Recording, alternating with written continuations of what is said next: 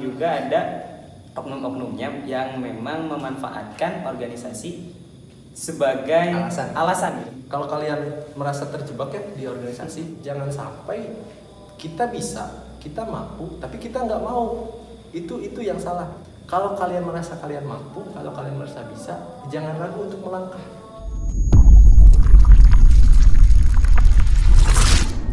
Gensi Podcast, generasi santuy memberi edukasi.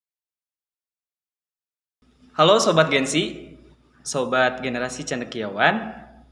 Selamat datang di podcast Gensi Generasi Cendekiawan di episode pertama.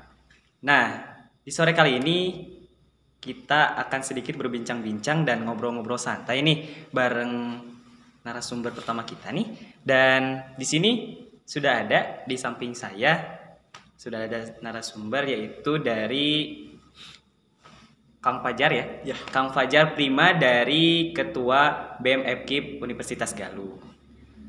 Nah, di sini kita akan ngobrol-ngobrol santai nih Kang mengenai salah satu topik yang memang dirasa cukup penting nih buat kita sebagai mahasiswa. Nah, untuk topik kali ini kita akan membahas mengenai organisasi. Peran penting organisasi itu apa sih gitu. Nah, Kang Fajar, ada sedikit pertanyaan nih un- oke. untuk Kang Fajar sebagai ketua umum dari BEM sendiri penting gak sih peran organisasi di mahasiswa gitu khususnya di kampus Baik, eh, penting nggak sih peran ma- eh, organisasi Iya. bagi mahasiswa gitu? ya? Kembali lagi mahasiswa itu punya yang namanya janji ya. Ketika kita menyandang namanya gelar mahasiswa, ada tri dharma perguruan tinggi, itu ada pendidikan, penelitian, dan pengabdian. Organisasi ini bagian dari pengabdian ya. Hemat saya ketika nanti kita selesai dalam masa perkuliahan ini selama 4 tahun idealnya itu kita akan pengab- apa, melakukan pengabdian gitu dalam dalam ranah nanti pekerjaan ataupun dalam ranah masyarakat nanti organisasi. Jadi organisasi ini sebagai bekal menurut saya. Jadi sangat penting untuk mahasiswa mendalami apa itu organisasi dan bagaimana cara menjalankan organisasi itu tersebut. Itu sih menurut saya. Oke. Jadi teman-teman di sini peran organisasi itu sangat penting ya tuh. Apalagi kan di sini kita sebagai mahasiswa harus mengamalkan Tridharma perguruan tinggi di mana ada penelitian, pengabdian dan pendidikannya itu. Nah, terus tuh apa sih yang dibutuhkan mahasiswa gitu untuk di zaman sekarang selain dari berorganisasi? Oke. Berorganisasi itu kan luas ya. Iya. Tidak tidak hanya organisasi yang kita kenal itu selama waktu kita mungkin menjadi siswa ataupun organisasi-organisasi yang ada di luar sana gitu kan. Organisasi yang ada di kampus khususnya Ormawa, organisasi mahasiswa itu idealnya lebih menjurus kepada program studinya masing-masing. Jadi mahasiswa yang berorganisasi itu adalah mahasiswa yang mencirikan keilmuannya masing-masing. Ketika nanti mahasiswa eh, contohnya pendidikan sejarah ataupun mahasiswa teknik gitu kan, apalah sebut dari keilmuannya masing-masing, itu organisasinya pun harus mengarah ke sana gitu. Jadi peran penting selain mendalami organisasi yaitu keilmuannya eh, mahasiswa itu sendiri karena ketika mahasiswa itu memilih satu jurusan atau satu fakultas yang dia tempuh itu dia harus otomatis mendalami bidang ilmu yang dia tempuh itu kan. Nah, organisasi ini membantu mahasiswa dalam hal pengimplementasian implementasian dari bidang ilmu yang mereka dalami. Contoh, kalau misalkan kita eh, bedah gitu kan dalam organisasi di eh, contoh lah pendidikan bahasa Inggris ya, ada kan pendidikan Iya. bahasa Inggris nih. Itu dalam eh, kuliah, dalam mata kuliah, mungkin ada lebih mendalami tentang eh, bahasa Inggrisnya, kebahasaan ataupun dalam tentang grammar lain sebagainya gitu kan. Nah, dalam dalam organisasi itu eh, orang-orang organisator yang ada di pendidikan bahasa Inggris itu mendalami bagaimana cara mengimplementasikannya gitu. ilmu yang dia dapatkan di kelas itu diimplementasikan dalam organisasi, entah dalam lomba, entah dalam kegiatan, dalam seremonial dan sebagainya. Lebih jauhnya lagi mungkin diimplementasikan di kehidupannya sehari-hari karena organisasi ini jangan sampai tumpang tindih dengan bidang keilmuan, harus sejalan. Maksudnya gimana? organisasi jangan sampai melupakan bidang ilmu karena mahasiswa kan pasti punya program studinya masing-masing ya. ada nggak mahasiswa yang nggak ada fakultasnya nggak ada kan tentunya ada. pasti Iya, pasti pasti ada gitu kan mahasiswa kalau punya gelar mahasiswa pasti punya fakultas dan punya program studi punya titel yang dibawa bidang keilmuan ataupun apa yang ditempuhnya gitu kan nah si organisasi di di Ormawa itu idealnya sejalan dengan apa bidang ilmu yang dia tempuh jadi sejalan gitu ya untuk organisasi dan jurusan itu memang sejalan tidak Sejalan. ada tumpang tindih ya Iya. tadi yang disebutkan oleh ketum dan juga memang untuk jurusan kita yang memang berguna sekali di organisasi dan bisa kita implementasikan Nah, gitu. di organisasi gitu. Nah, Tum kan tadi selepas dari yang tadi sudah Tum sampaikan ya mengenai jurusan yang memang berbeda-beda dan bisa diimplementasikan di organisasi. Nah, apa sih manfaat berorganisasi itu gitu Tum? Karena dirasa untuk tidak semua mahasiswa nih di sini semuanya berorganisasi gitu. Hanya ada sebagian, ada sebagian yang lain, sebagian yang lain hanya kuliah pulang kuliah pulang Ya. gitu. Jadi manfaatnya apa sih Tum gitu? Ya, mungkin sedikit eh, klarifikasi mungkin ada oh, Ya. bukan bukan untuk membedakan mahasiswa yang aktif di organisasi mana mahasiswa yang tidak aktif di sini semuanya sama gitu. Hanya apa sih yang menjadi keuntungan ketika kita berorganisasi di di mahasiswa gitu kan? Yang pertama jelas pengalaman itu kan pengalaman yang yang yang ditempuh oleh para organisator oleh orang-orang yang berorganisasi itu akan berbeda implementasinya dengan orang yang tidak berorganisasi. Saya sebutkan organisasi ini tidak hanya di kampus ya, di luar pun mungkin mereka yang eh, tidak aktif di Ormawa tapi aktif di organisasi luar Ya. ataupun di komunitas-komunitas apa sajalah sama yang namanya organisasi gitu kan berbagai bentuknya. Nah eh, mahasiswa yang aktif di organisasi itu pasti punya pengalaman yang lebih dalam hal implementasi Betul. manfaat lainnya mereka bisa langsung menemukan mana sih eh, program atau langkah-langkah yang lebih efektif ketika nanti mengimplementasikan apa yang dia dapat. Seperti misalkan dalam eh, di bidang pendidikan ya di BEM FKIP sendiri gitu kan eh, yang sekarang saya eh, apa jalani gitu kan di BEM Fakultas Keguruan dan Ilmu Pendidikan BMFKIP kan di sini arah geraknya itu lebih ke pendidikan ya. Pendidikan di mana nanti mengawal kebijakan-kebijakan pendidikan yang ada di Indonesia. Apakah me- apa namanya? membuat lebih baik Indonesia dalam hal pendidikan atau tidak itu itu kan yang yang kami giring gitu kan. Nah, mahasiswa yang aktif di organisasi di Ormawa khususnya di BMFKIP itu akan lebih peka terhadap apa nanti kebijakan dari pemerintah di bidang pendidikan itu sendiri. Maka ketika nanti mungkin dalam mahasiswa FKIP ya yang lulus ya otomatis kan dididik untuk menjadi calon guru ya. Iya. Ketika nanti mereka menjadi guru, ketika nanti mereka terjun di lapangan, mereka sudah lebih paham tentang apa saja aturan yang sudah ada, perubahan-perubahan yang mungkin harus mereka hadapi di lapangan. Jadi manfaatnya bukan hanya lebih ke pengalaman atau dia bisa public speaking, speak up gitu kan. Di organisasi bisa ngurumusin apa namanya acara lain sebagainya. Tapi lebih jauhnya lagi dia lebih peka terhadap nanti apa kebijakan-kebijakan dari pendidikan itu sendiri.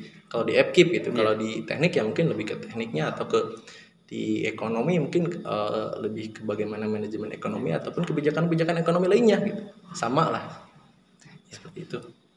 Betul sekali ya, untuk manfaat yang bisa dirasakan di organisasi itu sangat banyak tentunya ya. Selain juga kita fokus dengan akademiknya dan memang dirasa untuk organisasi itu ada manfaatnya juga gitu. Tidak hanya kita untuk ikut organisasi hanya untuk apa ya?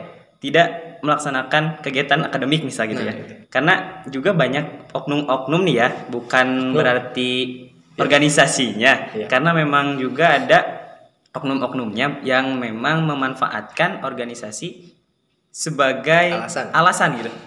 Dan jadi mereka itu tidak fokus di akademiknya gitu. Nah, mungkin itu efek buruknya memang tergantung orangnya gitu ya tuh.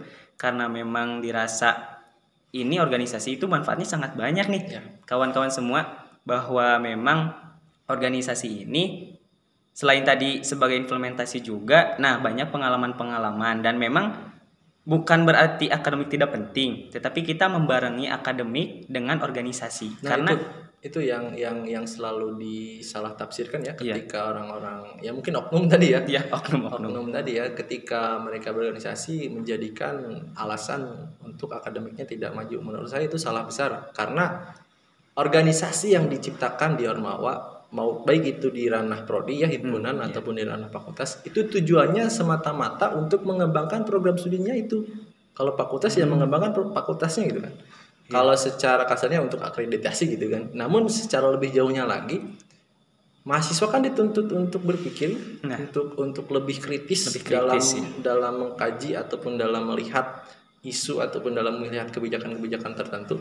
Organisasi ini alatnya gitu jadi jangan sampai tumpang tindih organisasi malah tidak sejalan dengan eh, bidang-bidang Hmm. keilmuannya itu sendiri gitu harus sejalan karena emang harus korelasi ya? harus harus ada korelasi karena kalau tidak seperti itu ya apa bedanya dengan organisasi yang mungkin ada di luar sana yang nggak jelas itu Iya. kan harusnya harus harus ada tujuan dari organisasi gitu kan tujuannya ya sesuai dengan bidang ilmunya itu Mungkin tuh ada yang lebih spesifiknya nggak nih untuk tujuan organisasi secara general gitu. Untuk organisasi itu tujuannya apa sih? organisasi ya disebut katakan organisasi tujuannya itu pastinya untuk kebaikan lah ya Ya. kebaikan dari si pengurus atau anggota-anggota dari organisasi tersebut. Karena kalau misalkan kita berbicara organisasi, khususnya di Ormawa itu kan lebih lebih seperti miniatur pemerintah ya. Nah, Ketika kita menanyakan eh, tujuan organisasi ya sama dengan menanyakan tujuan dari adanya pemerintah. pemerintahan. Karena kan si pemerintah ini kan se- sistemnya seperti organisasi gitu kan. Nah, adanya pemerintah ini kan harusnya gitu kan untuk kesejahteraan dari rakyat dengan sama halnya dengan organisasi harusnya tujuannya itu untuk kesejahteraan dari si anggota-anggotanya. Anggotanya siapa? Ya mahasiswa-mahasiswa itu sendiri gitu. Sebagai rakyat gitu. Sebagai Kalau rakyat. misalkan disamakan dengan pemerintah gitu. Memang kan untuk organisasi di kampus itu seperti miniatur pemerintahan gitu kan. Benar.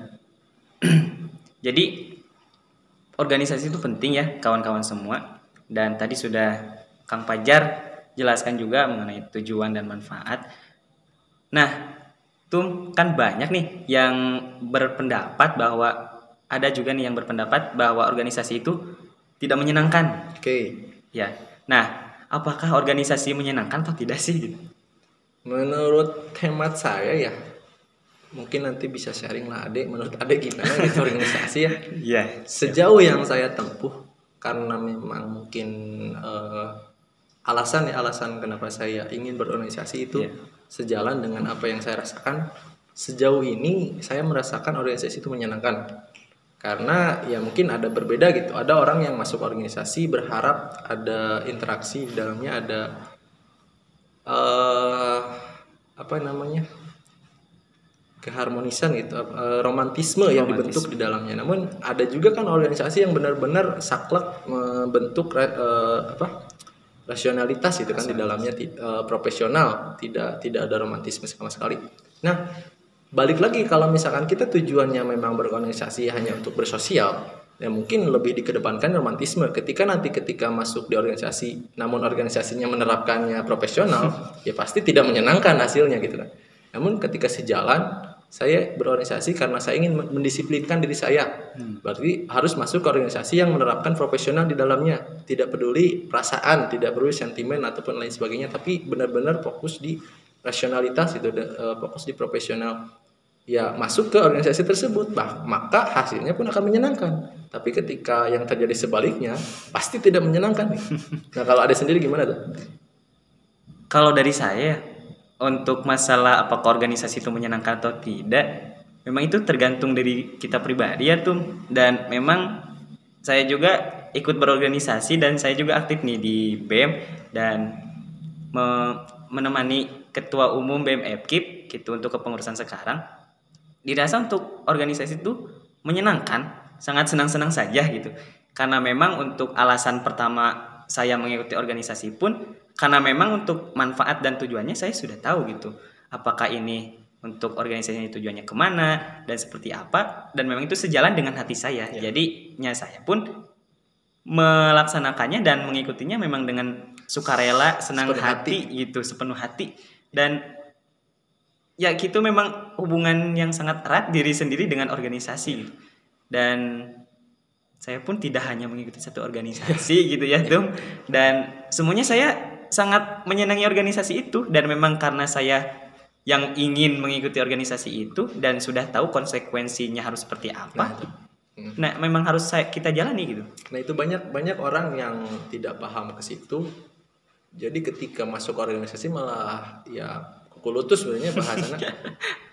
Karena mungkin ya ke bawah arus atau gimana lah alasan masuknya entah gimana. Namun harus dipahami konsekuensi yang akan didapat. Ketika mungkin berbagai tujuan kita masuk organisasi dengan tujuan ingin mengembangkan diri, ingin mencari relasi, ingin mencari pengalaman dan sebagainya lah beda-beda.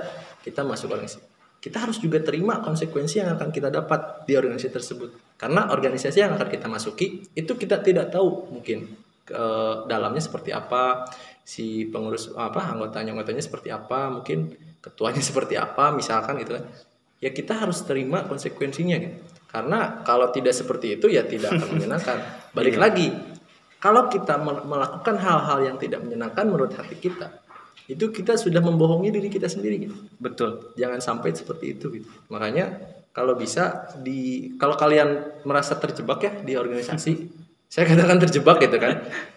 Eh, tolong perbaiki lagi niatnya. Jangan sampai kalian merasa dipaksa di dalam organisasi karena masuknya pun secara sukarela Iya. jangan sampai di dalamnya pun terasa tersiksa Itu karena mungkin organisasi pun memang tidak memaksa kita untuk masuk gitu Iya. kan ya dan memang untuk masuk itu kan memang atas keinginan diri sendiri gitu keinginan pribadi itu sendiri nah tuh untuk bahas dan bincang-bincang mengenai organisasi nih tuh untuk dirasa cukup ya tuh Oke. dan mungkin selanjutnya kita masuk ke sesi tanya jawab nih Boleh, ada sudah masuk. Pertanyaan-pertanyaan yang mana? memang sebelumnya kita post di IG ya di Instagram BMF Kip Uniga Jadi, dari warganet ini dari netizen-netizen semua ya dari warganet dari kawan-kawan semua dan sudah ada beberapa pertanyaan yang memang sudah kita saring Oke, oke. dan perlu untuk dijawab oleh narasumber gitu. siap Nah, ini ada beberapa saja ya dan memang kita pilih karena terlalu banyak juga yang memberikan pertanyaan. alhamdulillah ada sepuluh ribu Wah lebih tuh. Wah, lebih. Luar biasa banget ini podcast ya Nah, Tum, ini ada pertanyaan dari Fanny H underscore. nih Iya. Oke. Apa yang ditunjukkan ke pengurus ditunjukin ke pengurusan BMF KIP sekarang prestasi atau eksistensi katanya. Oke. Dari aw- saya jawab ya, Pani. Iya. Ini Pani akuntansi bukan? Gak tahu nih Nggak tahu ya. Oke, lah. Saya jawab Pani ya. Eh, apa yang akan ditonjolkan mungkinnya lebih dikedepankan di BMF sekarang gitu kan? Iya. Prestasi ataupun eksistensi. Sesuai dengan kabinet yang sekarang saya bawa gitu kan, kabinet survivor di mana semuanya ter eh, terrestart ulang gitu kan karena kita lihat kondisi eh, sekarang itu kita mulai menuju awal tatap muka lagi. Set- setelah kita mengalami dua tahun pandemi. Saya mengatakan bahwa pengurus-pengurus di Ormawa sekarang entah itu di BEM atau di Ipunan ataupun di DPM itu sekalipun itu adalah orang-orang yang berhasil melewati masa-masa sulit dan masih mau berorganisasi. Makanya saya sangat apresiasi dengan Ormawa periode 2021-2022 di mana ketika kemarin mengalami kepakuman yang ya kita rasakan bersama gitu kan kita masih mau menjalankan organisasi. Saya saya saya, saya apresiasi gitu. Makanya saya mengatakan kabinet ini kabinet survivor karena kita itu penyintas. Kita melewati masa-masa sulit kemarin, lalu kita memulai hal baru hal-hal baru sekarang gitu. Akan jauh berbeda gitu pelaksanaan organisasi tahun-tahun kemarin dengan sekarang. Maka semuanya akan lebih baru lagi. Maka yang harus dikejar apa? Prestasi atau eksistensi? Eksistensi gitu kan Iya.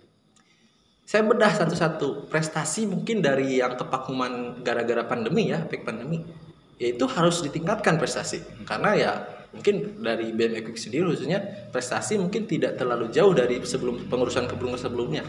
Eksistensi juga sama. BMF Kip sendiri eksistensinya tuh mulai mulai meredup gitu kan dari dari track record BMF Kip sebelum sebelumnya jauh. Iya. maka saya katakan BMF Kip sekarang akan meng- mengusung keduanya akan mengusung prestasi, Prestasi. dan juga eksistensi. Karena itu butuh.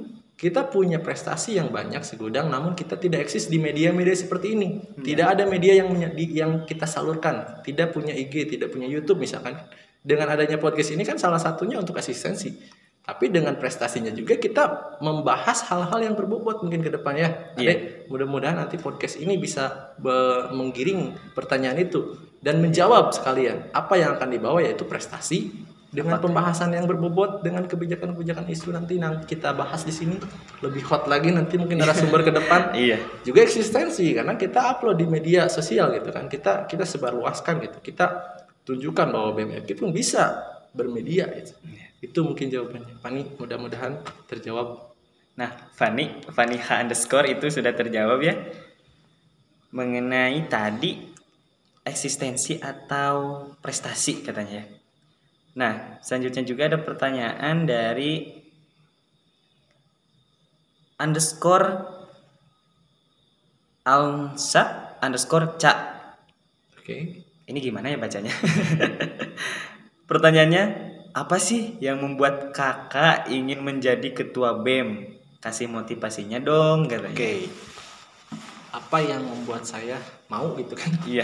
memimpin organisasi BMFK mungkin kasih apa namanya motivasi lah. Nanti juga terpupuk motivasi sendiri. Namun kembali ke waktu saya sebelum saya menjadi ketua BEM mungkin kemarin saya menjadi ketua himpunan. Saya merasakan sendiri bagaimana pandemi berefek pada organisasi di kampusnya orang Mahwa itu sangat-sangat kesulitan dan sangat-sangat eh, banyak eh, kesulitan-kesulitan yang dialami juga faktor yang tadi karena pandemi. Pandemi. maka saya saya me- melihat satu peluang itu di sana di mana saya sadar akan eh, urgensi yang terjadi di mana Ormawa kalau misalkan tidak dibenahi mungkin akan vakum. Itu saya sadar ke arah sana. Dan mungkin banyak juga yang sadar makanya masih masih masih mau berkutat di organisasi ini gitu kan. Nah yang yang saya sadari di sana saya ma- saya saya sadar akan urgensi ini dan saya mampu. Saya merasa mampu dari track record sebelum sebelumnya mungkin eh, ber- eh, memimpin beberapa organisasi. Maka saya mengajukan diri karena saya merasa mampu. Itu sih itu faktor utama yang yang membuat saya optimis itu mencalonkan waktu kemarin. Karena kembali ke ranah kalau misalkan kita sadar kalau misalkan kita mampu jangan hanya diam kalau misalkan kita diam atau kalau misalkan kita tidak mau maju berarti kita termasuk orang yang munafik karena kita eh, tidak memanfaatkan potensi yang Tuhan berikan yang Allah berikan Allah memberikan saya potensi untuk bagaimana cara memanage manusia, bagaimana cara memimpin organisasi, tapi saya tidak menyalurkan itu. Otomatis saya membohongi diri saya. Saya tidak jujur kepada diri saya sendiri gitu. Karena saya merasa mampu, karena saya merasa bisa, saya harus ya minimalnya mencoba gitu. Kalaupun kemarin tidak menang, ya minimalnya saya mencoba gitu kan. Namun jangan sampai kita bisa, kita mampu, tapi kita nggak mau. Itu itu yang salah itu karena kita menyia-nyiakan potensi yang Allah berikan gitu kan jangan seperti itulah gitu. makanya mungkin eh, motivasinya mungkin ya kalau kalian merasa kalian mampu kalau kalian merasa bisa jangan ragu untuk melangkah Maaf ya teman-teman semua, tadi kita jeda dulu sebentar nunggu adan dulu ya. Nah, Tum kita lanjut untuk pertanyaan selanjutnya. Ini ada pertanyaan dari Wanda Afifah underscore underscore. Apa Jar? Izin bertanya nih. boleh Ada nggak sih kebiasaan unik atau kebiasaan aneh yang sering A laku, lakukan gitu? kebiasaan unik Iya. apa ya kebiasaan aneh yang kalau misalkan di luar organisasi mungkin ya Iya. kebiasaan aneh saya tuh kalau misalkan entah ini aneh atau enggak ya kalau misalkan lagi nggak ada kegiatan itu saya tuh bisa sampai tiduran atau mungkin gabut itu malas-malasan sampai sehari semalam bahkan pernah waktu lagi gabut-gabutnya nggak ada kegiatan dua tiga hari gitu. Benar-benar sehari semalam tuh nggak ngapa-ngapain gitu. Cuma mungkin ke air makan atau eh, apa mandi dan sebagainya gitu kan ibadah. Itu mah eh, normal gitu kan. Tapi kalau di kosan tuh bener-bener nggak keluar nggak ngapa-ngapain. Mungkin ya eh, ngehealing mungkin ya.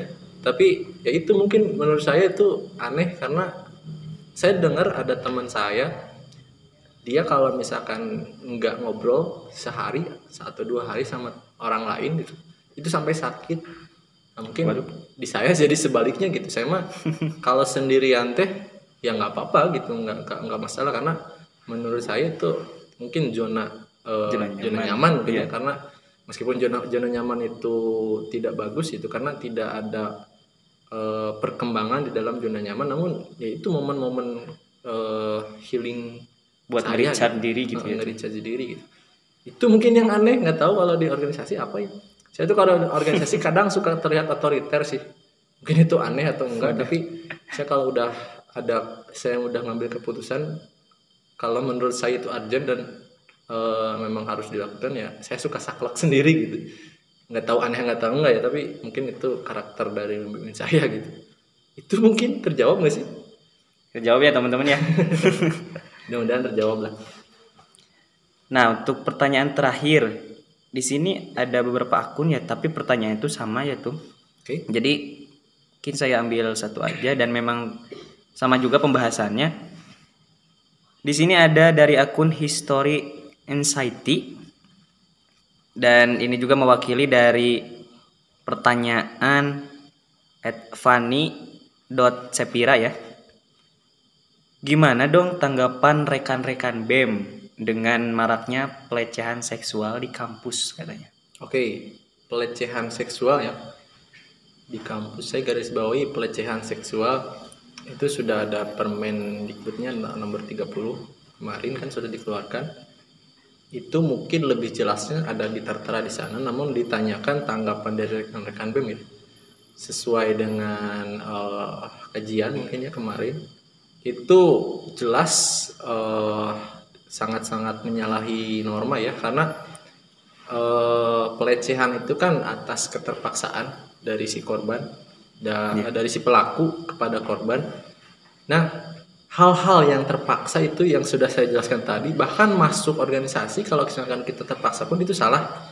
Apalagi ini dipaksakan gitu. Ada ada ada oknum lah saya katakan oknum yang eh, me- apa ya entah mungkin dari dorongan pribadi, dari hasrat atau terbawa rekannya itu jelas salah gitu dan menyinggung norma-norma yang ada di Indonesia itu sendiri gitu kan di mana bukan hanya di agama kita di, mela- di- dilarang untuk eh, melakukan pelecehan namun norma-norma yang terjadi di lingkungan kita sendiri itu kan salah gitu kan Iya.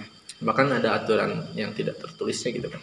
Nah, mungkin ini nyambung juga ya sama kasus di apa WNY kemarin yang saya agak lucu ketika mendengar ada di beritanya demisioner BEM, BEM. UNY gitu kan melakukan pelecehan. Menurut saya itu agak salah ketika mengkapitalkan kalimat demisioner BEM walaupun memang saya katakan ketika kita masuk dalam suatu lingkungan kita tidak akan lepas dari nama lingkungan itu misalkan kita masuk di lingkungan BEM ketika kita selesai di BEM kita akan membawa nama BEM di pundak kita. Memang saya katakan memang seperti itu. Namun tidak dengan semua demisioner BEM UNY itu melakukan pelecehan. Sama halnya ketika nanti mungkin ada kasus yang serupa di mana pun di organisasi mana pun mereka tadinya mantan pejabat mungkin ya melakukan korupsi. Iya. Bukan detail pejabatnya yang salah, bukan gelar yang pernah dia ikuti atau bukan eh, jabatan yang pernah dia ikuti yang salahnya, tapi si orangnya itu sendiri. Sama hal dengan ketika ada kasus di agama, mungkin Islam selalu dicap teroris kan di, di diambilnya tuh dikapitalkan itu Islam yang melakukan terorisme gitu kan. Padahal bukan Islamnya, mungkin ya ajarannya, mungkin orangnya maka harus harus harus lebih di eh, diperjelas itu kan bahwa ada oknum mahasiswa yang melakukan pelecehan seksual gitu kepada mahasiswinya dengan dipaksa gitu kan pelecehan. Nah si media ini mungkin nggak tahu nggak tahu apa motifnya entah supaya viral atau gimana. Ya efektif memang. Kalau misalkan si media ini tujuannya untuk menarik perhatian menurut saya efektif. Saya apresiasi benar-benar efektif karena sekarang banyak yang membahas hal tersebut. Bahkan eh, banyak yang eh, mengkaji sampai apa merasakan eh, permen tiga permen permendikbud eh, nomor 30-nya itu terpakai gitu kan kalau misalkan eh, kasus ini dilanjut lah saya katakan. Dengan yang kemarin banyak yang dihujat karena memang menyeleweng namun menurut saya ada sisi positifnya di di di, di balik permen itu di mana memang hal-hal orang eh, korban-korban yang seperti ini bisa melaporkannya gitu kan. Walaupun terjadi ini mungkin di luar kampus atau lain sebagainya namun harus dikembalikan lagi bahwa eh, harus diluruskan. Mungkin media sekarang sudah menggem- menggemparkan mengkapitalkan nama BEM UNY ini mungkin harus ada klarifikasi gitu. Karena menurut saya kasihan BEM UNY-nya gitu. Benar. malah jadi tercap wah BEM UNY mah gitu semua. Mungkin lebih jauhnya lagi net, eh, warganet malah berpikir seperti itu kan kasihan gitu. Iya. itu sih pandangan saya Hmm, sudah terjawab ya teman-teman dari pertanyaan yang barusan mengenai pelecehan seksual dan memang sedang gencar-gencarnya sekarang berita seperti itu. Dan mungkin untuk semuanya memang itu yang salah bukan organisasinya. Tadi yang sudah kita katakan ya tuh bahwa itu memang oknumnya gitu. Nah mungkin di sini berita memanfaatkan hal ini untuk menaikkan rating mereka. Mungkin gitu ya. Nah, pertanyaan-pertanyaan sudah dijawab dan sudah terjawab oleh Kang Fajar nih.